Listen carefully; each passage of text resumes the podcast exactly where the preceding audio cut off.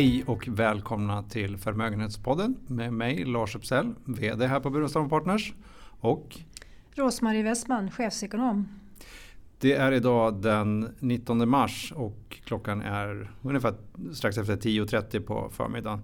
Vi har gjort eh, den här som en extra podd som vi egentligen inte hade planerat och det är naturligtvis med anledning av den marknadsoro som råder där ute till följd av Corona och, och oljekris även för den delen.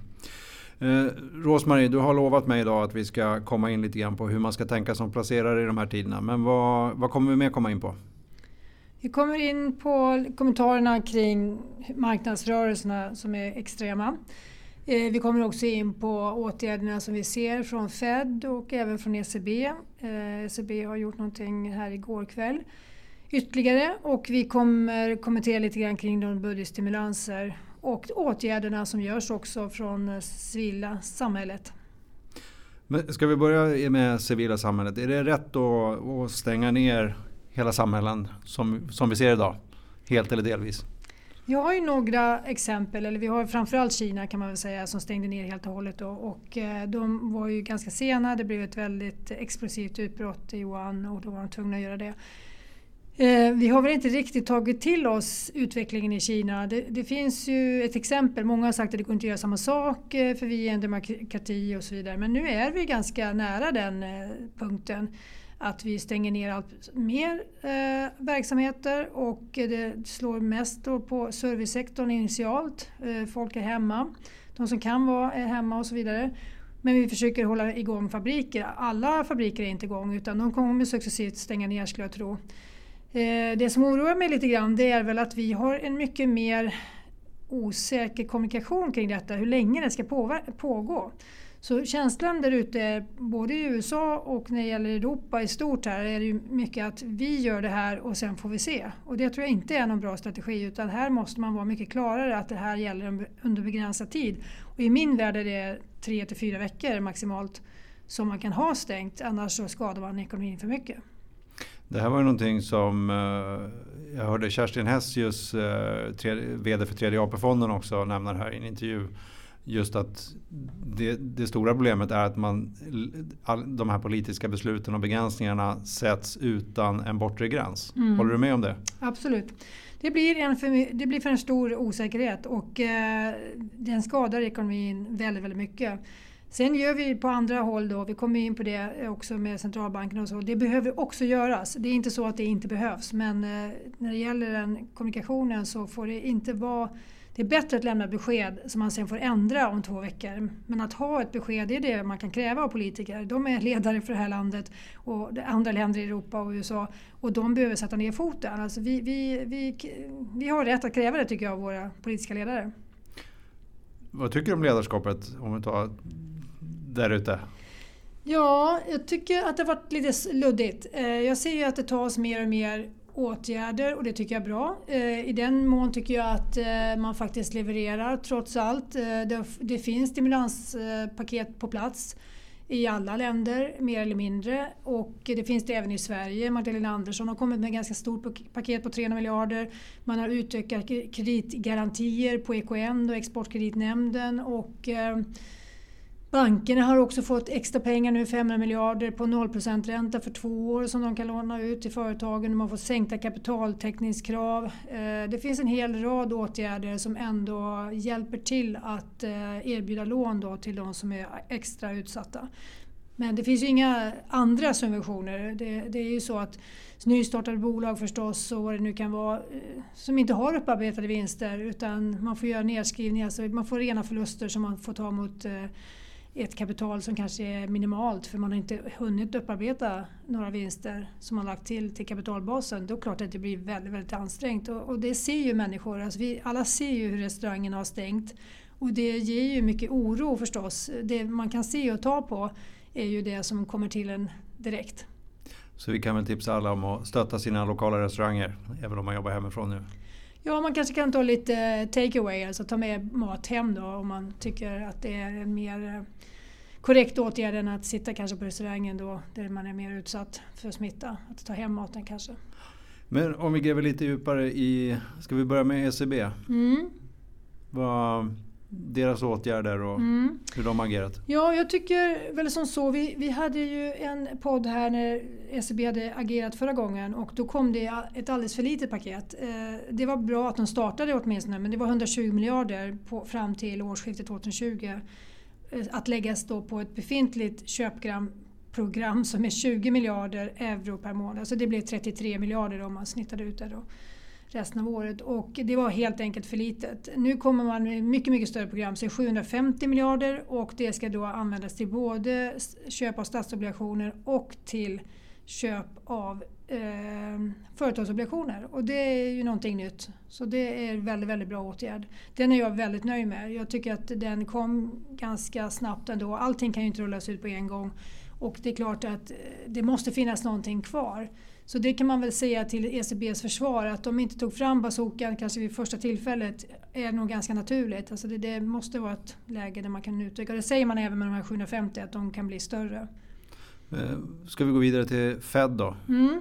Jag kan bara säga lite grann vad som hände med spreadarna där i Italien. Italien har ju haft då har ju alltid legat över Tyskland när det gäller statsobligationsräntorna. Men de senaste dagarna så har det gått upp till 2,5 procent har de legat då, eh, och då har de legat under 1 procent. Så det är ju en väldigt, väldigt stor eh, rörelse där för Italien. Och nu idag så går det nästan ner en procentenhet på de här långa räntorna. Så från 2,5 ner till eh, ja, ungefär 1,5 då. Och, eh, så det, det, får effekt direkt. Så det, det, är väldigt positivt att se då. Mm.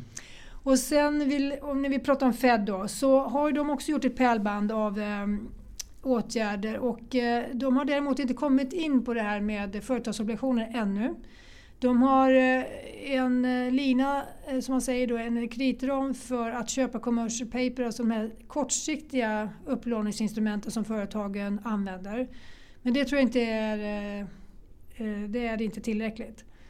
Och eh, de har väl legat, det går ju som i zigzag det här, så att deras första program var ju större än ECBs och eh, hjälpte till med likviditeten allmänt i marknaden. Eh, och de gör reper som man säger, då, kortfristig finansiering. De har till och med gjort det två gånger per dag ibland när de har tyckt att det behövts. Och de har försett värden med dollarfinansiering och annat. Så de har gjort en hel del också men de har inte kommit in på det här med företagsobligationer ännu. Då. Mm. Ska vi nämna något mer om de svenska paketen eller nämnde du det tillräckligt tidigare tyckte du? Ja, jag tycker att det viktigaste gjort eh, när det gäller att rädda bolag, alltså även SAS och flygbolagen får ju en kreditram här nu då så att de kan låna upp pengar. Mm. Men eh, det är ju alltid väldigt känsligt att ge rena subventioner till en bransch. Till en bransch. Det är ju alltid känsligt så att jag tror att det kommer sitta en bit in. Och, eh, det är väl så här att om man får låna pengar så kan man har man möjlighet, om de är tillräckligt långfristiga och låg ränta och allt det här så kan man, har man möjlighet att ta, betala tillbaka de pengarna med de vinsterna man får längre fram. Men det kommer ju bli lite tufft förstås för vissa bolag och inte minst resebranschen, hotell och allt det här. Så det, man får väl eh, se, alltså, även de branscherna omfattas ju av det här med sjuklöneperioden då som man inte behöver betala. 14 dagar, det är ingen karensdag. Allt det där eh, är ju för att hjälpa löntagare och det, det avlastar ju även kostnaderna för bolagen. Så, så jag tror att det är, det är väl det som sitter längst in om man säger så. Och, eh, vi är inte vana vid, alltså de kriser vi haft tidigare på finanskrisens eh, tid, de har ju slagit mer mot exportbolagen de, eh, än vad det gjort mot servicesektorn. Och nu är det lite tvärtom då och det, det är ovanligt, det är en ny situation då som man inte har haft förut.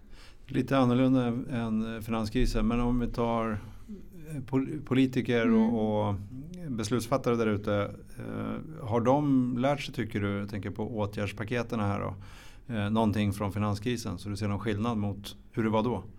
Ja, jag tycker att de har gjort det. Det finns ju många som var med förra gången och jag tror att om vi pratar EU så är det absolut en, en fördel att de har varit med de fick ju två kriser ganska tätt. Eh, de fick ju dels finanskrisen 2008 som krävde väldigt mycket åtgärder och sen fick de dessutom en statsskuldskris 2011 som de var tvungna att ta hand om också. Så att jag menar kombinationen av de två kriserna har ju gett väldigt mycket erfarenhet av krishantering helt enkelt. Så att jag, och är, är det en korrekt uppfattning att man har varit lite snabbare på de här krispaketen än vad man var ja, framförallt 2008? Det tycker jag. Den gången gick det ju inte riktigt lika fort. Alltså, det är svårt att glömma men, men det, det var mer utdraget trots allt eh, över tiden. Och vi vet inte när det här slutar men, men, men, det är min uppfattning.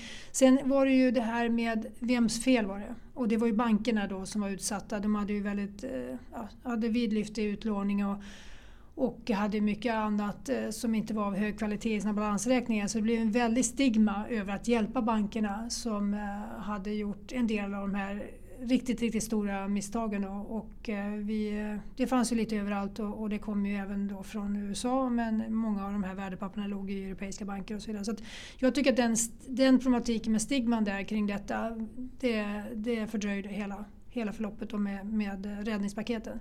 Och det var säkert, nu finns det ingen att skylla på och det, det underlättar att det går snabbare. Och bankerna får chansen att lyfta sitt renommé genom att stötta företagen nu på ett bra sätt, eller? Ja, det är en bra poäng där Lars. Eh, det skulle, så skulle man kunna se det. Och, eh, vi får väl se vad vi får höra eh, om detta från eh, de som har bankkontakterna, om de tycker att de lever upp till det. Men, men det är ju helt klart så att det är ett gyllene tillfälle att förbättra. Ja. Du, eh, alltså vi, vi, har ju alla märkt eh, att aktiekurser och, har rört sig mycket eh, neråt och eh, räntor har rört sig mycket. Eh, konsekvenser av det här också är valutor har rört sig mycket. Kan du kommentera någonting runt det? Ja, det är en allmän brist på dollar och eh, det blir det lätt i, i kristider. Så vi har sett en förstärkning. Det var inte det som skedde initialt utan då såg man snarare en försvagning av dollarn. Eh, men nu har det vänt helt och hållet och vi är nere på 1,08 mot euron då och kronan har fått extra försvagning ovanpå det. Eh, det är ganska vanligt. Eh, vi har ju ett index som heter TCW här på, i Sverige som man kan se. Ett, ett, då är det ett viktat index där de viktigaste valutorna ingår och då kan man se att det är på nivån på 148 nu. Det är väldigt hög nivå och det är en nivå som vi inte har sett då sedan finanskrisen. Och signalerar en, en svag svensk krona? Ja, det gör det sammantaget. Och om vi tittar på de olika eh, krossarna som man säger då. Så mot, mot dollar har vi gått ner 11 procent sedan årsskiftet och vi har gått ner 7 procent mot euron. Så det är ju en dollarrörelse i huvudsak. Men eh, vi har ju eh, en svaghet även då mot eh, mot jorden. Och det här är ju ett problem om vi ska ut i världen och resa men det gör vi ju inte nu. Mm. Eh, men däremot så är det ju väldigt positivt för oss som investerare och kanske speciellt för Burenstam kunder som har, har en bra spridning på även globala aktier. Ja, det är alltid bra att ha fördelning så att man har lite global exponering. Då klarar man sig bättre i sådana här tider. Då, mm. då blir det en kudde. Om vi ska fortsätta på temat eh, hur vi ska tänka som placerare. Vad, vad tänker du då? Mm. Ja, vi har varit igenom många kriser och eh, det man kan säga när man är en långsiktig investerare då eh, ska man försöka då ska man inte undvika att ta risk eh, utan man blir ju, får betalt för att man tar risk. Och det är klart att många gånger kanske man sitter kvar med tillgångar och det händer inte så mycket och så är man tillbaka. Vad vi har gjort nu är att vi har initierat en liten övervikt i aktier och den ehm, ja, exekveras nu då. Och eh, den, den, den kommer att dra nytta av de här låga nivåerna. Och eh, vi har ehm, Ja, vi kan inte på något sätt säga att det här är botten. Men vi tycker ändå att vi eh, ska passa på att köpa någonting i aktiemarknaden på de här låga nivåerna. Och själv har jag ganska stor tilltro till att de här åtgärderna hjälper. Jag tror att vi kommer komma fram till att vi inte kan ha stängt hur länge som helst. Eh, så det är också en problematik som jag tror kommer lösa sig längre fram här nu. Och jag tycker att det finns exempel i Asien att man kommer igenom detta. Vi har både Japan, vi har Sydkorea, vi har Singapore, vi har Kina eh, och så vidare. Alltså, som, det finns ju ändå ett slut på det här någonstans och där kommer vi komma även i Europa. Och vi, vi tittar ju mest nu kanske på Italien då som kanske i absoluta tal eh, dödsfall kommer upp i lika höga tal som Kina vilket är väldigt anmärkningsvärt med tanke på att Italien är 60 miljoner och, och Kina är 1,3 miljarder människor. Så det är klart att det är, det är, eh, det är lite skrämmande att det har blivit en sån eh, dramatisk utveckling i eh, Italien. Men det kommer finnas ett slut på viruset även i Italien. Men det, det låter ju ändå lite positivt. Då ska vi kanske nämna också att vi är ju enbart långsiktiga i vår förvaltning eh, med våra kunder och finns det lyssnare där ute som tänker mer kortsiktigt så det här är ett långsiktigt beslut när vi pratar den här lilla uppviktningen av mm. den befintliga aktieandelen. Det är det absolut. Det finns ingen som säger att det är på kort sikt det ser ut som ett bra beslut på tre månader men det kan vara ett bra beslut på, på sex eller ett års sikt. Ja. Men med det tänkte jag att vi ska avrunda för idag om inte du har någonting som du vill lägga till? Nej, jag tycker att man ska... Det är väldigt ansträngande tider, det är alltid det. Och eh, många säger nu att det här är mycket värre än vad finanskrisen var. Men, men jag, finanskrisen är väldigt färskt minne och jag tycker att det var också enormt stressande dagar. Eh, så jag tycker att trots allt vi har något, vi har något liknande och eh, i det fallet hade vi ju ett, finans, ett banksystem som var helt i spiller och det var också en, en väldigt påfrestande tid för många investerare att inte veta om man kunde lita på, på hela banksystemet och betalningssystemet och så vidare. Och nu är den stora fienden då det här viruset och eh, det, det kommer vi komma igenom. Det, det kanske inte känns så just nu men det kommer vi göra. Och då är det som långsiktig investerare bra att hålla strategin och eh, följa planen. Mm. helt enkelt. Så med det så tackar jag och Rosmarie er lyssnare för att ni har lyssnat och på återhörande längre fram. Ta hand om varandra.